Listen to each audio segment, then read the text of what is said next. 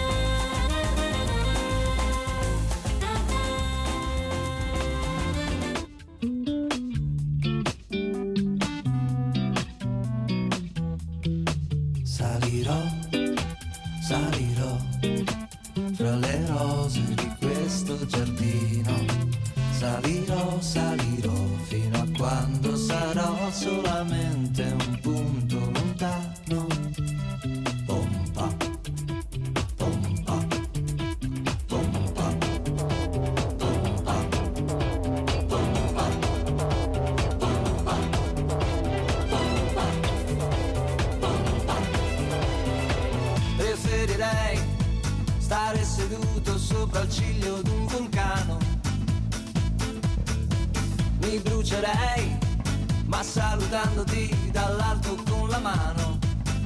Ah, e invece sto sdraiato, senza fiato, scotto come il tagliolino al pesto che ho mangiato il resto. Qui disteso sul selciato ancora un po', ma prima o poi ripartirò.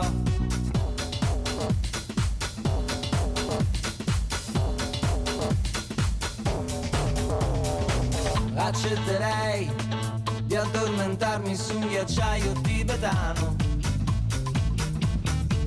Congelerei, ma col sorriso che si allarga piano piano. Ah, e invece sto sdraiato, senza fiato, sbatto come il letto su cui prima mai lasciato il resto. qui. Buonasera e benvenuti all'ascolto di Radio Onda Italiana. Questa è Libera la Radio da Amsterdam e questa sera in studio Silvia Terribili. Salirò, salirò, fino a quando sarò solamente un ricordo. E questo è Daniele Silvestri in Salirò. Salirò, salirò, tra le rose di questo giardino. Salirò, salirò.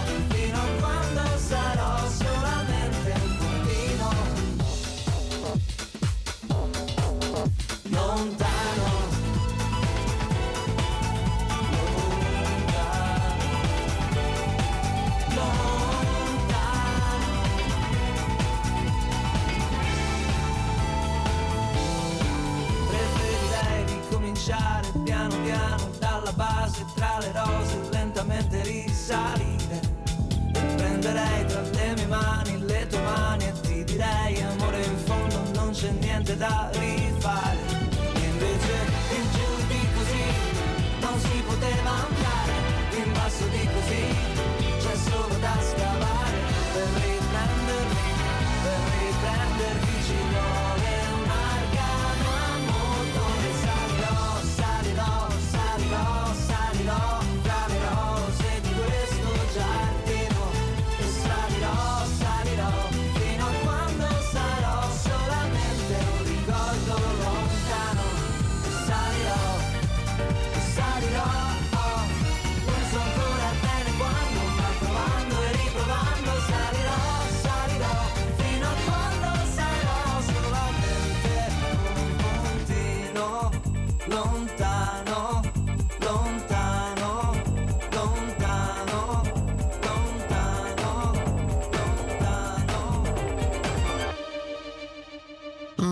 E questo era Daniele Silvestri in Salirò. E l'8 settembre scorso purtroppo ci ha lasciato una nostra compagna della radio, eh, Elisabetta. Elisabetta Poms, eh, mamma, nonna, poetessa, redattrice di cultura alla radio. Una volta al mese lei aveva il suo programma Poesia nel cuore, nel quale mm, mandava musica italiana, eh, sempre musica bella, romantica e, e informazione. negli ultimi anni ha fatto molti servizi, molte eh, interviste in Italia sui più temi, eh, temi più svariati di, di, cultura, ma anche eh, sul turismo, sull'Italia in generale. Ha vissuto una vita ricca e avventurosa e ci consoliamo con i tanti bei ricordi che abbiamo di lei. Di Elizabeth parleremo in una prossima puntata eh, dedicata a lei, dedicata a alcuni dei suoi programmi qui alla radio, a Radio Salto Amsterdam. E, eh, però siccome questo si avvicina il suo compleanno che era il 31 marzo e oggi ci avviciniamo a questa data, oggi è il, è il 30 marzo, quindi domani, e mm, mi fa piacere ricordarla mm, eh, leggendovi una delle sue poesie. E questa poesia si intitola Il bacio del poeta. E poi vi farò ascoltare alcune canzoni che lei mandava spesso, eh, belle canzoni italiane di, di grandi artisti eh, che ci riportano alla, al ricordo di Elisabeth, che io, che io rivedo qui nello studio eh, con tante puntate fatte insieme, insieme a lei, insieme a altri, altri redattori come Eddie, eh, come Daniela, come altri redattori che, che hanno fatto il programma insieme a lei. La poesia del 2007. Il bacio del poeta. Il bacio del poeta è diverso, più leggero. Il bacio del poeta posa lettere sulle labbra, parole nella bocca, un'impronta sul cuore effimero come una farfalla, impasta colori a profumi, liscio come velluto. Il bacio del poeta è diverso, più leggero, appena percettibile, accarezza il cuore, espone pensieri, disegnando sulla retina immagini d'amore, con un pannello sussurrante. Questo era il bacio del poeta di Elizabeth Bohms. È una nostra compagna della radio che, che, purtroppo abbiamo perso l'anno scorso, l'8 settembre scorso, ma continuiamo a ricordarla e soprattutto nelle tante trasmissioni che ha dedicato alla poesia. Il suo programma si chiamava Poesia nel cuore. E mm, vi faccio ascoltare una delle canzoni che lei amava e che mandava anche spesso, e è Margherita di Riccardo Cocciante. Io non posso stare fermo con le mani nelle mani,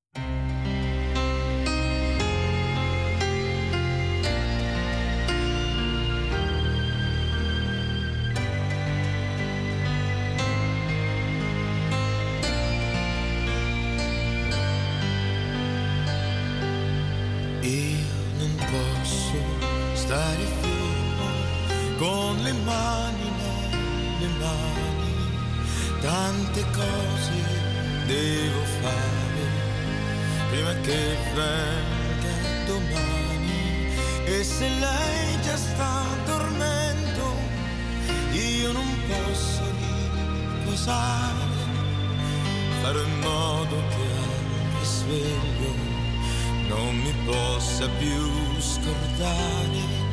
Perché questa lunga notte non sia nera più del nero.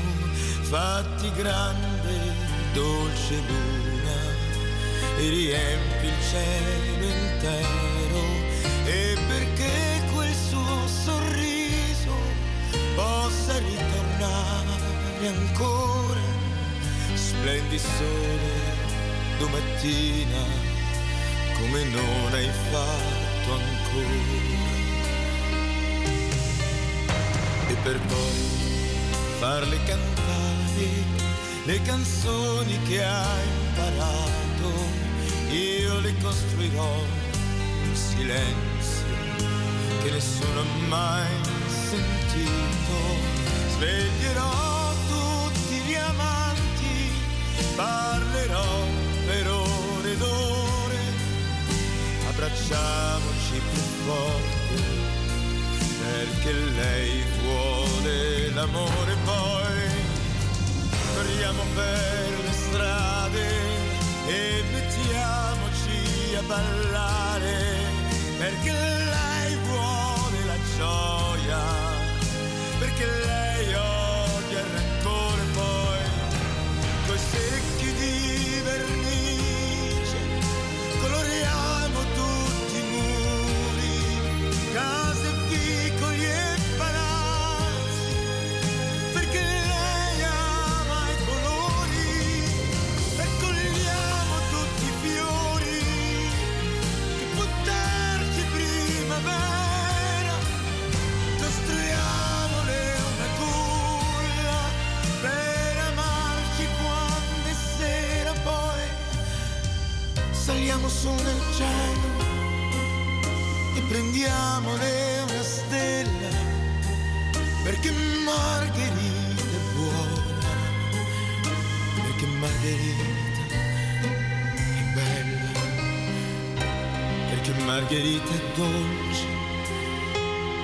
perché Margherita è vera, perché Margherita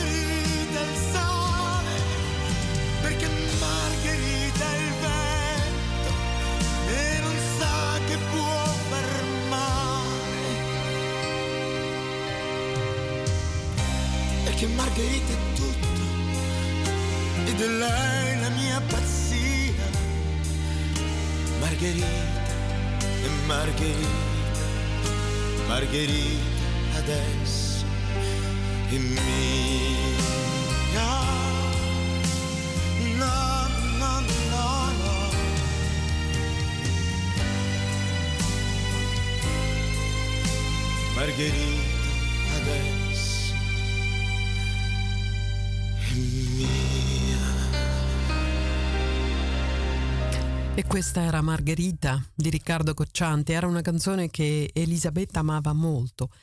E per ricordarla, ecco, domani è il 31 marzo, il giorno del suo compleanno, era nata il 31 marzo del 1942. E vi faccio ascoltare un'altra canzone che lei mandava, eh, che le, le, piaceva molto. Era una grande appassionata di tutta la cultura italiana, dei cantatori eh, italiani e, e gli mandava sempre delle bellissime canzoni eh, nei suoi programmi. Un altro cantante che lei mandava era Luca Carboni. Vi faccio ascoltare Farfallina.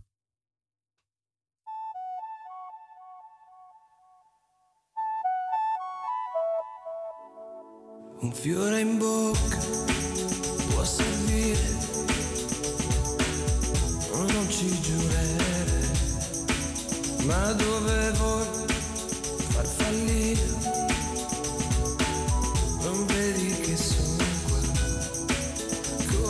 fiore, come un prato, fossi in te mi appoggerei per raccontarvi, per esempio, come vivi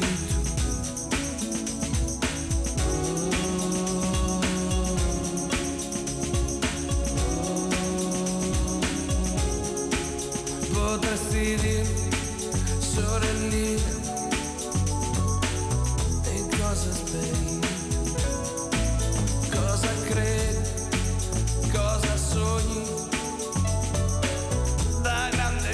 grande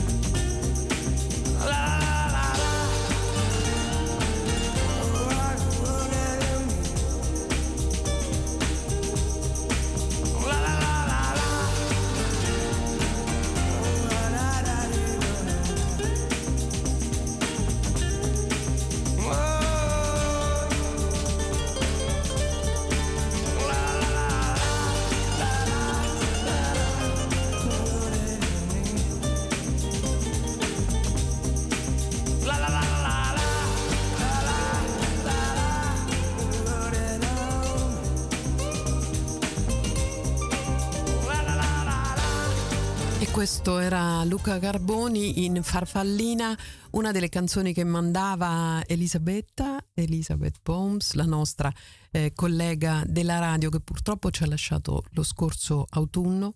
E domani sarebbe stato il suo compleanno e quindi queste due canzoni gliele volevo dedicare eh, in ricordo delle, di delle tante belle puntate, delle tante, eh, delle tante cose belle che abbiamo fatto insieme, letture, poesia, cultura. Elisabetta amava tantissimo la, la cultura, la musica italiana, era una grande appassionata, una fan sfegatata della cultura italiana. È molto bello anche questo Luca Carboni, una canzone così delicata, così, così dolce, e affettuosa eh, pensate, scritta nel 19, prodotta nel 1993, sono vent'anni, eppure è sempre bella, assolutamente non, non passata di moda, per quello che penso io. E passiamo ora a un altro, a un altro tema. Il 24 aprile si terrà in Italia la Marcia della Pace Perugia-Assisi. È una marcia straordinaria per dire no alla guerra e al riarmo è stata decisa dalla tavola della pace questa iniziativa straordinaria per domenica 24 aprile. Una marcia della pace Perugia assisi anticipata e straordinaria per dire no alla guerra e al riarmo. La richiesta di fondo è quella del negoziato politico al posto della violenza armata. Dunque il cessate il fuoco immediato e l'apertura di un negoziato vero che finora non c'è stato. Da molti è stato chiesto che la pace, il diritto alla pace per il popolo ucraino, significhi proporre lo stesso diritto per tutti i popoli e le minoranze vittime di guerre dimenticate. Anche il diritto all'accoglienza non va limitato solo ai rifugiati ucraini, ma a tutti. Di particolare interesse le analisi geopolitiche del generale Mini sulle responsabilità dell'Europa, della Nato e degli USA nel non aver costruito un sistema di sicurezza condiviso con la Russia e al contrario nell'aver perseguito il riarmo nucleare che per se stesso non è mai solo difensivo. Molto solide le considerazioni giuridiche e politiche di Marco Mascia sul diritto internazionale, sulla Carta ONU, sugli stati fuori legge, che non sono solo la Russia di Putin, ma chi ha organizzato occupazioni e guerre senza alcuna legittimazione internazionale. Dopo il 1945 la comunità internazionale si è dotata di strumenti politici e apparati legali per prevenire o risolvere i conflitti con mezzi pacifici. Prima del 1945 questi strumenti non c'erano. Ecco perché fare la guerra oggi è ancora più grave e assurdo, data l'esistenza di strade diplomatiche e tavoli di confronto ben definiti, prima inesistenti. E questo era un comunicato per annunciare la marcia della pace straordinaria del 24 aprile 2022 una marcia tra Perugia e Assisi. Assisi, lo ricordiamo, è il cuore della la patria di San Francesco, quindi il simbolo, il massimo simbolo dell'amore per, per l'umanità e del rispetto della natura, il rispetto di ogni vi- essere vivente, dai più piccoli animali fino a tutti gli uomini eh, del mondo. E chiaramente il messaggio parte proprio da lì, dal cuore, dalla culla della, uh, della, dell'umanità, della cristianità più profonda, i valori eh, cristiani mm, più profondi e umani, più, più importanti di base. Eh, a questo appello aderiscono molte, molte, inizia- molte associazioni, eh, soprattutto ehm, anche sindacali, eh, progressiste e orientate ehm, alla, mm, spesso a, eh, alla sinistra, al progressismo, in particolare il coordinamento per la democrazia costituzionale che si batte proprio per la democrazia costituzionale, per il rispetto e per l'attuazione della Costituzione, purtroppo tante volte eh, bis- bistrattata e, e, e, e, ignorata e non attuata. Ricordiamo che la Costituzione italiana ripudia la guerra, quindi ehm, è l'obbligo ehm, per tutti gli italiani in particolare per, per chi governa l'Italia, ma per tutti, di rispettare questo principio fondamentale. Il coordinamento per la democrazia costituzionale condivide lo sforzo di ricercare tutte le strade per fermare la guerra, iniziata con l'inaccettabile invasione dell'Ucraina, con le sue eh, orribili distruzioni, sofferenze e morti, ed aprire trattative per riportare la pace e per ricostruire un quadro di convivenza fondata su un equilibrio di sicurezza per tutti e sulla ricostruzione e rispetto delle regole del diritto internazionale. Per fare questo occorre sconfiggere le pericolose ansie militariste, cui danno voce i cantori di un nuovo pensiero unico, che vedono il futuro solo attraverso un mondo sempre più armato e prigioniero di logiche di potenza, oltre che un maccartismo di ritorno che demonizza ogni opinione critica. Mai come in questo momento occorre accompagnare la voce di chi sostiene, a partire da Papa Francesco, che il riarmo sia una follia e che occorra ricostruire un nuovo assetto mondiale fondato su regole multila- multilaterali, su nuove politiche di riduzione degli armamenti ed un ruolo dell'ONU finalmente più forte e credibile. L'invasione dell'Ucraina deve cessare immediatamente. Le trattative devono riprendere con l'impegno di tutte le nazioni, a partire da quelle più grandi e influenti. Il coordinamento per la democrazia costituzionale aderisce con convinzione all'edizione straordinaria della marcia Perugia-Assisi per la pace e invita i propri comitati territoriali a diffonderne le motivazioni e a organizzare la partecipazione.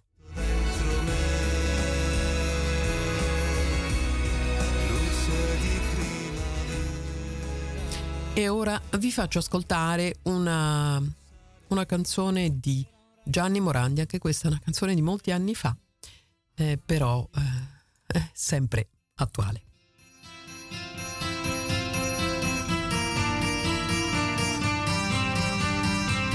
C'era un ragazzo che come me amava i Beatles e i Rolling Stones, girava il mondo, veniva da gli Stati Uniti d'America. Non era bello ma accanto a sé aveva mille donne se cantava Help e Ticket to Ride oh Lady oh Yesterday cantava viva la libertà ma ricevette una lettera la sua chitarra mi regalò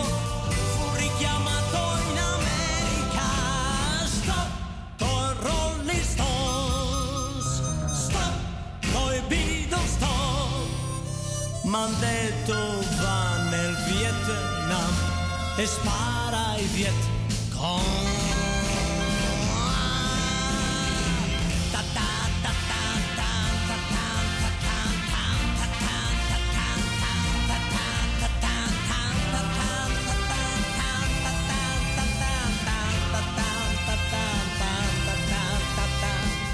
C'era un ragazzo che come me amava i Beatles e i Rolling Stones, girava il mondo ma poi finì a far la guerra nel Vietnam.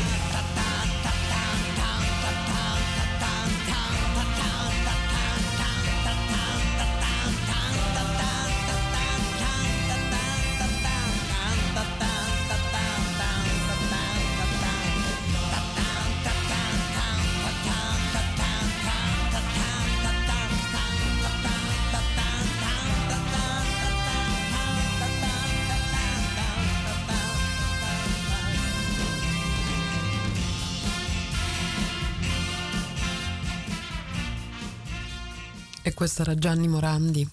C'era un ragazzo che come me amava i Beatles e i Rolling Stones e invece poi un ragazzo che, che viene richiamato in patria e che deve, and- deve, andare a fare la guerra in Vietnam. Quindi una guerra eh, come tutte le guerre, una guerra insensata, una, una guerra orribile, una guerra che costa eh, un numero inaccettabile di vite umane e come tutte le guerre, quindi l'impegno um, che chiediamo è, è, questo, un impegno per la pace, un impegno contro il riarmo, ehm, anche sulla scia delle, delle, parole pronunciate di recente, parole molto chiare pronunciate da, anche da Papa Francesco.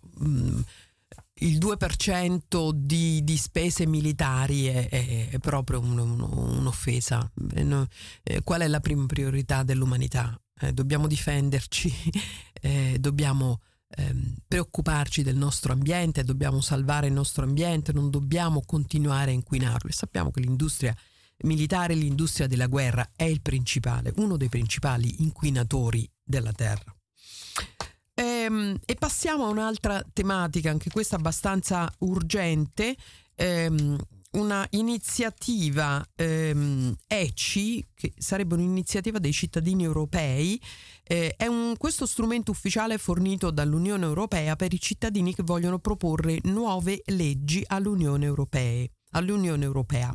Dopo aver raccolto un milione di firme, le proposte saranno presentate alla Commissione delle mm, comunità, della comunità europea e al Parlamento europeo, dove avrà luogo un'udienza pubblica. Eh, l'iniziativa viene lanciata sul tema della protezione della vita dalle radiazioni di microonde, la protezione dell'ambiente da tutti gli impatti del 5G e della digitalizzazione, e la protezione della nostra privacy, della sicurezza e della libertà. Quindi ci sono varie tematiche molto eh, preoccupanti intorno al discorso del lancio della promozione del 5G. Eh, oltre a queste tematiche c'è anche la problematica delle possibili interferenze che le reti che alcune reti 5G potrebbero avere sul traffico aereo. Eh, infatti si, si, sono avute delle segnalazioni importanti che eh, questi network, perché parliamo di, ehm, eh, di trasmissione di, di, di, microonde a grandissima distanza, con una, una potenza molto eh, importante, che potrebbero interferire sulle comunicazioni aeree, sugli altimetri per esempio, che ehm, eh, comunicano con gli aerei al momento dei decolli e degli atterraggi. Parliamo di una eh, problematiche veramente molto importanti che devono essere approfondite. Ehm, per quello che riguarda anche l'Associazione eh, Italiana Elettrosensibili, così eh, si pronuncia Giorgio Cincipirini, vicepresidente dell'ENI, ECI. Il lancio massiccio della tecnologia 5G minaccia la nostra salute, il nostro ambiente e la nostra privacy. Chiediamo all'Unione Europea di fare una legislazione che protegga i cittadini e l'ambiente da queste minacce. Il 5G non è stato mai adeguatamente valutato secondo i criteri di salute, ambiente e privacy. Abbiamo bisogno di fermare il rollout del 5G e dell'Internet delle cose e di avere invece una tecnologia intelligente che sia sicura, come Internet cablato e linee in fibra. Eh, per quello che riguarda la salute, per anni, in alcuni casi per decenni, gli scienziati hanno messo in guardia sulle conseguenze dell'inquinamento da radiazioni della tecnologia mobile.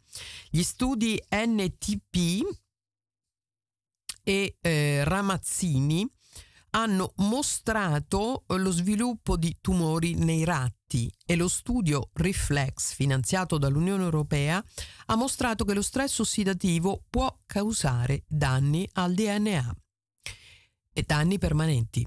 Per gli utenti di telefoni cellulari ci sono prove scientifiche di altri effetti sulla salute, come problemi di fertilità ed effetti sulla funzione cerebrale. Il 5G divora energia ed è lontano, ben lontano dall'essere una soluzione al cl- cambiamento climatico. Al contrario, l'impronta ecologica digitale raggiungerà il suo picco con il 5G. I nostri dispositivi elettronici hanno un grande impatto ambientale.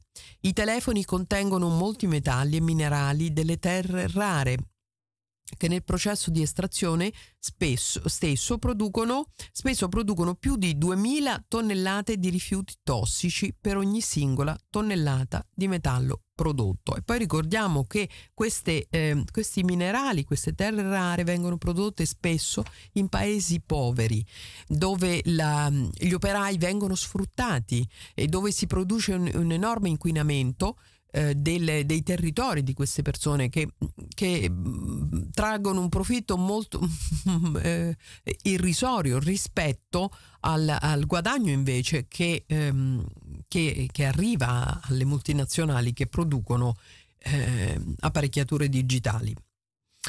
Privacy. I big data sono il nuovo oro. I broker di dati stanno accumulando miliardi e trilioni di punti di dati in tutto il mondo.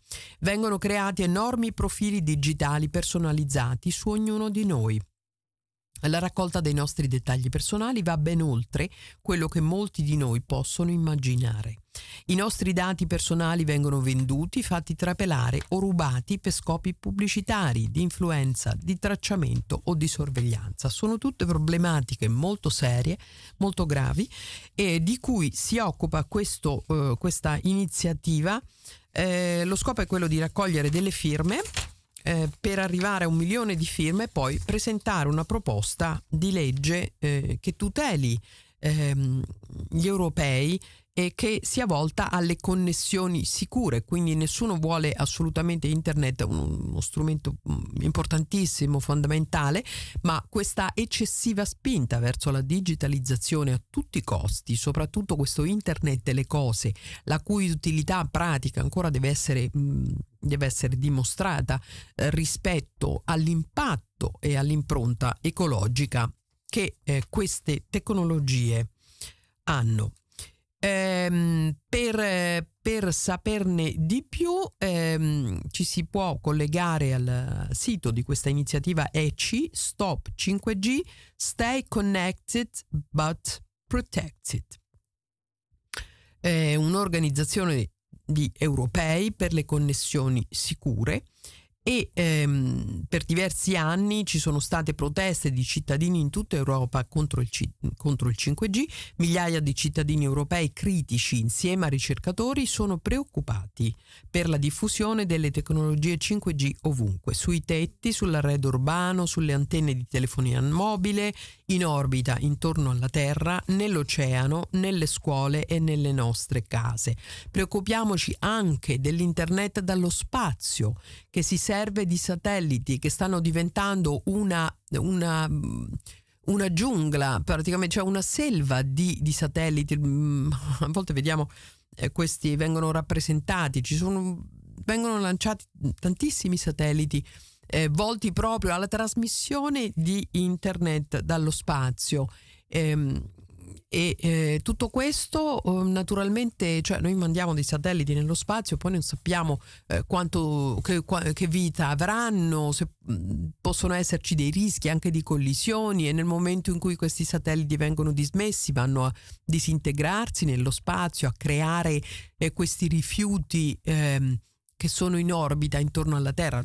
Ci sono tantissime problematiche che devono essere esaminate molto attentamente e soprattutto dobbiamo chiederci che cosa vogliamo, che cosa vale di più, vogliamo salvare, vogliamo preoccuparci dell'impronta ecologica, allora certamente non dobbiamo spingere su una digitalizzazione estrema, eh, non necessaria per il momento. Sappiamo che le priorità eh, del, del 90% della popolazione e anche della popolazione mondiale non sono sicuramente eh, una connessione ultra veloce mh, mm, a internet, ma eh, soprattutto avere acqua, cibo eh, pulito, aria pulita, eh, difendersi dal, ehm, dalle aggressioni umane, dalle aggressioni, dalle problematiche create dai cambiamenti climatici, dal disastro ambientale. Quindi le priorità sono eh, veramente altre. E, e quindi bisogna bilanciare lo sviluppo con quello che è eh, veramente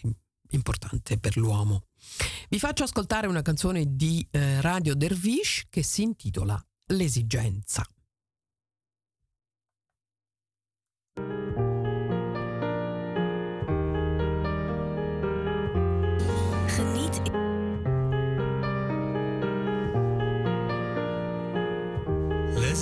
L'esigenza di unirmi ogni volta con te, ogni volta mostrare la mia vanità, come dolce follia si interessa di me. Ma s'amore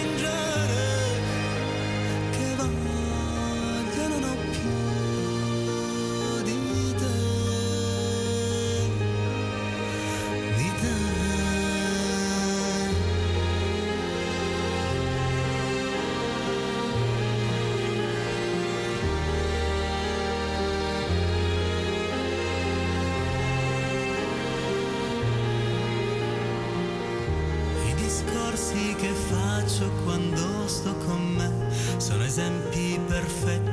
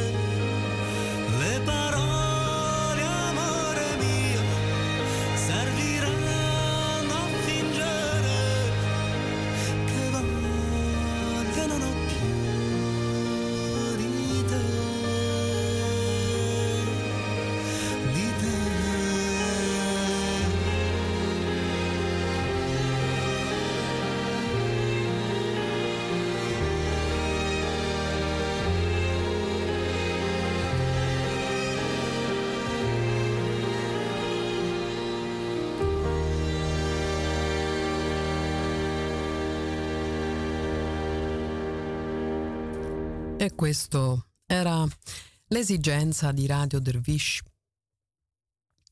E veniamo a un'altra notizia abbastanza eh, importante, ma direi anche abbastanza preoccupante.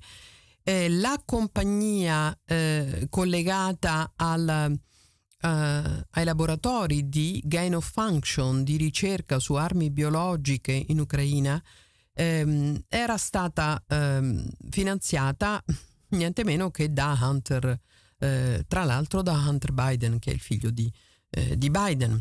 Informazioni contenute sul suo laptop eh, abbandonato si sono rivelate attendibili. Dopo che il sottosegretario di Stato per gli affari politici Victoria Nuland eh, ha ammesso alla Commissione per le relazioni estere del Senato che l'Ucraina aveva ehm, laboratori di ehm, mm, eh, militari biologici, L'Associazione eh, Mondiale della Sanità ha chiamato subito gli ufficiali ucraini eh, per ehm, distruggere eh, patogeni ad alto rischio eh, e prevenire potenziale, una potenziale diffusione sulla, sull'ambiente. Patogeni ad alto rischio?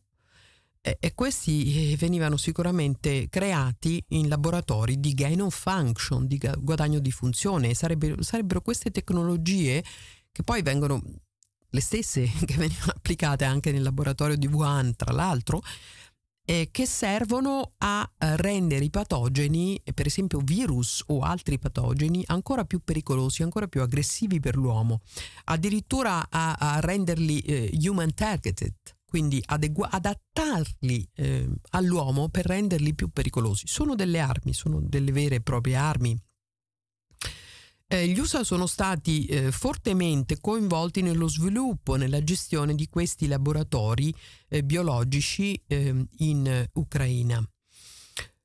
Um, un report del 2011 della National Academy eh, of Sciences um, ha riportato uh, dettagliatamente eh, che um, il Ministero della Difesa americano e il Ministero della Salute eh, ucraino eh, avevano concentrato la, l'attenzione sulla prevenzione della diffusione di tecnologie patogeni e la conoscenza che può essere utilizzata nello sviluppo di eh, armi biologiche. Ma era stato concesso un permesso di lavorare sia con batteri e virus eh, di, di questi gruppi fortemente pericolosi di, di, di, patogeni. Le informazioni contenute in queste rivelazioni sono state ehm, sono passate inosservate finché Diliana Gaitanzieva, una giornalista bulgara, nel 2019 ha identificato la compagnia biotech Metabiota come una compagnia fortemente coinvolta nei laboratori ucraini. Non si tratta soltanto di una ditta qualsiasi, questa ditta eh, particolare ehm, è eh, in maniera inestricabile coinvolta in, nella ricerca di eh, malattie zoonotiche eh, legate al guadagno di funzione e vende anche assicurazioni pandemiche perché eh, è in grado di tracciare la traiettoria di, e la diffusione di pandemie. Questa compagnia è collegata alla ricerca sul coronavirus, eh, il gain of function, ed è stata fondata niente meno che da Hunter Biden, che è il figlio di Biden. Il governo russo ha tenuto una, pre- una conferenza stampa per eh, sottolineare che il coinvolgimento di Hunter Biden nella ricerca di armi biologiche in Ucraina eh, è reale, quindi ci sono delle email, c'è una corrispondenza ottenuta dal Daily Mail eh, basata sulle mm, informazioni trovate sul laptop eh, del figlio del presidente Joe Biden, che confermano queste informazioni. Nell'ottobre 2021 eh, Twitter ha eh, improvvisamente sospeso ehm, l'account sul New York Post dopo che il giornale aveva riportato riguardo ai file trovati sul laptop di ehm, Hunter Biden. Eh, risulta che Metabiota ehm, ha ricevuto eh, 18,4 milioni di dollari eh, in contratti federali degli USA eh, sotto il programma DTRA del Pentagono per eh, la Georgia e l'Ucraina per, eh, aver, per mh, mm, eh, provvedere a servizi di consulting ehm, eh, scientifico e tecnico che includono anche ehm, ehm, eh, una ricerca basata sul, ehm, eh, sulle minacce biologiche globali eh, la scoperta di patogeni, la risposta alle epidemie e i trial clinici. Eh, l'anno scorso la Metabiota, che si trova mm, a San Francisco, eh, curiosamente ha, pre- ha pre- previsto circa una percentuale del 60% di possibilità che ci sarebbero state ehm, altre pandemie più letali del Covid-19. Eh, sembra che mh, mm, siano entrambi ehm, ehm, questa, no, questa frase non, non, la capisco bene, quindi non la traduco.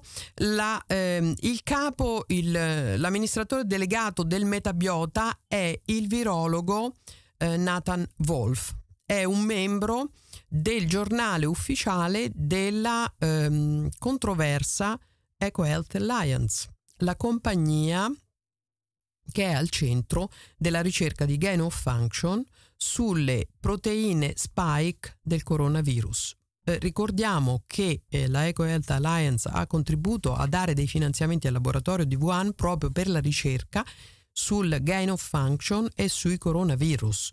Quindi eh, ci sono mo- veramente molti, molti interrogativi e molte cose da chiarire riguardo a questi finanziamenti.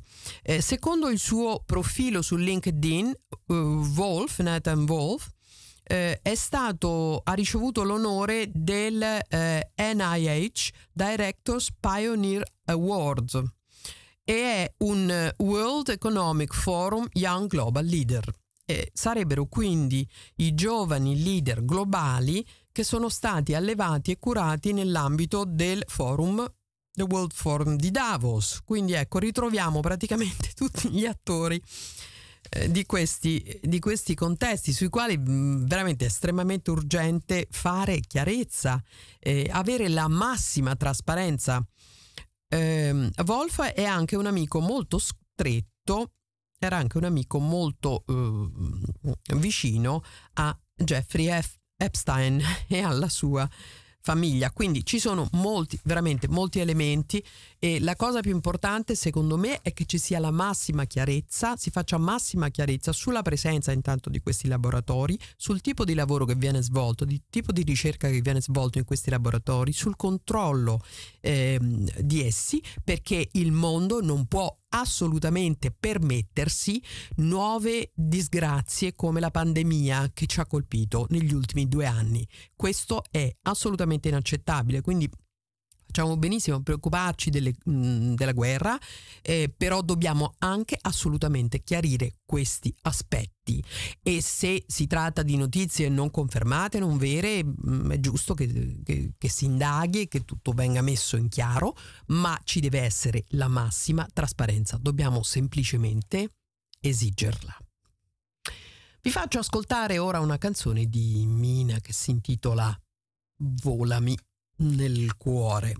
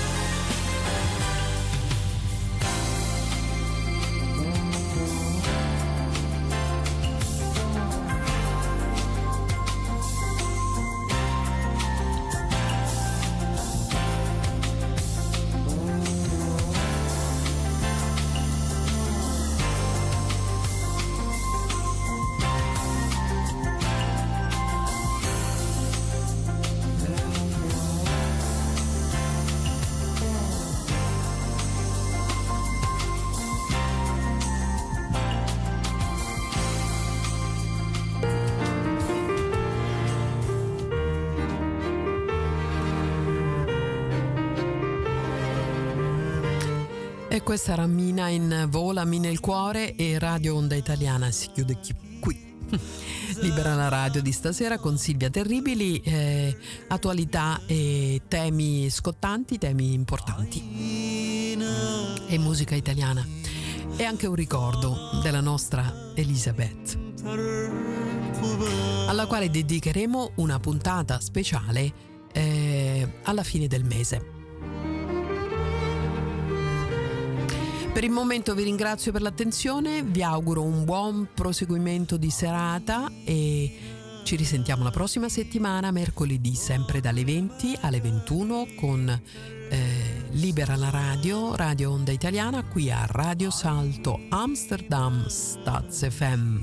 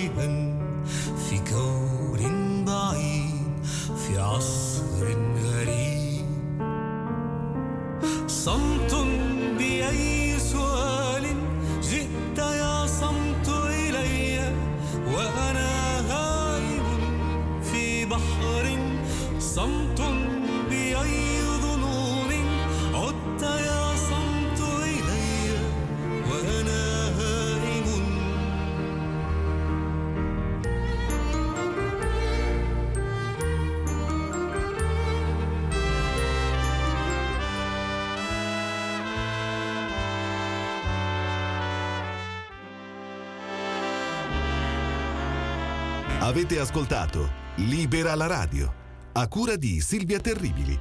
Informazione, musica e cultura italiana